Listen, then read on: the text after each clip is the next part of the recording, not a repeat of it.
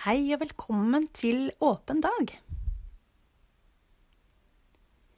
Jeg heter Beata Slovikowska.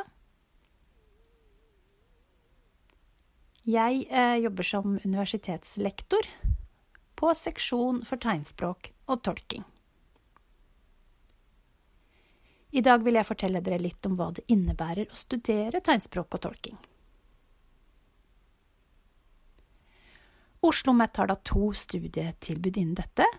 Det ene er at du kan studere tegnspråk i ett år, og den andre er en treårig bachelor i tegnspråk og tolking.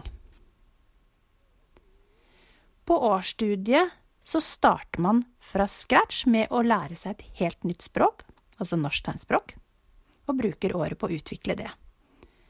Dette året er det samme om du tar bachelor i tegnspråk og tolking. Andre og tredje året studerer du mer tolking, men fortsetter å videreutvikle og lære mer tegnspråk.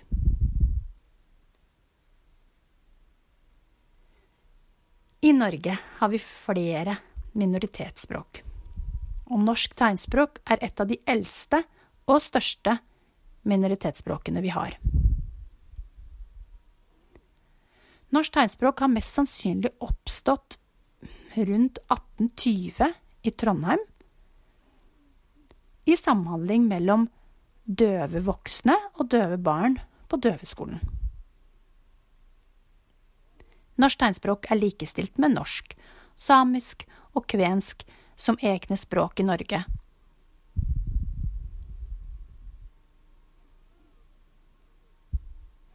Og de som snakker tegnspråk, er døve, døvblinde, hørselshemmede og hørende. Man anslår at det er rundt 15 000-20 000 som bruker tegnspråk i Norge. Nå vil jeg fortelle deg litt om talespråk og norsk tegnspråk, så du lettere skjønner forskjellene. Talespråk er auditivt vokalspråk som man produserer ved bruk av munn og tunge, gane, stemmebånd og tenner. Talespråk oppfatter man gjennom hørselen. Tegnspråk er derimot et gesuelt visuelt språk, som produseres ved bruk av hender, ansikt, hode og overkropp. Man oppfatter tegnspråk gjennom øynene, men dersom man er døvblind, så bruker man hendene til å oppfatte tegnspråket.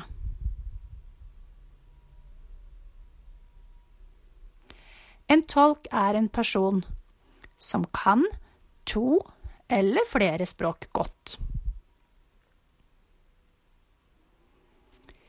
En som er utdannet tolk, kan da tolke enten simultant eller konsekutivt. Dersom to personer vil snakke sammen, men ikke snakker samme språk, kan tolken oversette mellom dem, slik at de kan kommunisere med hverandre. En tolk kan jobbe overalt, der hvor personer med ulikt språk trenger å kommunisere med hverandre.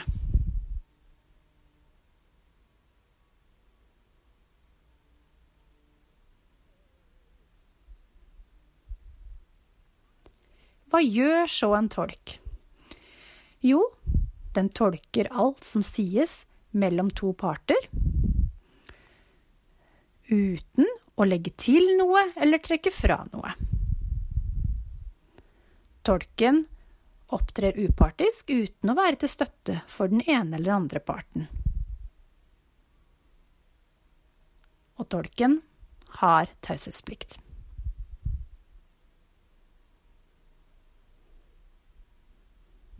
Nå har du fått vite litt mer om hva tegnspråktolking er. Og hvis du er interessert i språk og kommunikasjon, og er interessert i mennesker og hvordan de samhandler og kommuniserer, da er kanskje dette rette utdannelsen for deg. Velkommen skal du være.